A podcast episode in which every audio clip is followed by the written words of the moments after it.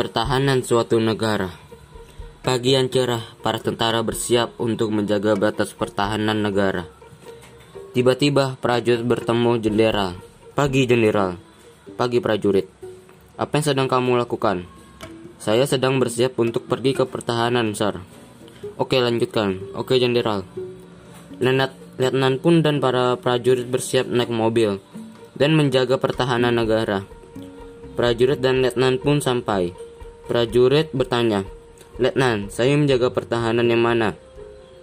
Kamu pertahanan yang A. Siap, Letnan. Sesampai di benteng A, prajurit menjaga benteng dengan tidak baik. Saat benteng diserang, prajurit tiba-tiba kabur dari benteng dan berkata, Jenderal, saya takut lawan tentara negara lain mereka berotot dan gagah, Jenderal. Saya tanya apa gunanya kamu di benteng. Kamu berotot dan berdaya, tapi nyali tidak ada. Ya sudah, kamu sekarang kembali ke markas dan lapor ke pos.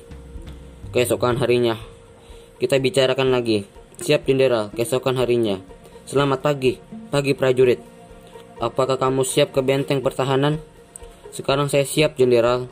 Oke, sekarang kamu naik mobil dan berangkat ke benteng. Sesampai di benteng, prajurit pun siap dan rela berkorban untuk negaranya dan maju tanpa pamrih. Sesudah perang usai, ia pun kembali ke markas dan diberi penghargaan dan naik jabatan sebagai letnan. Tamat.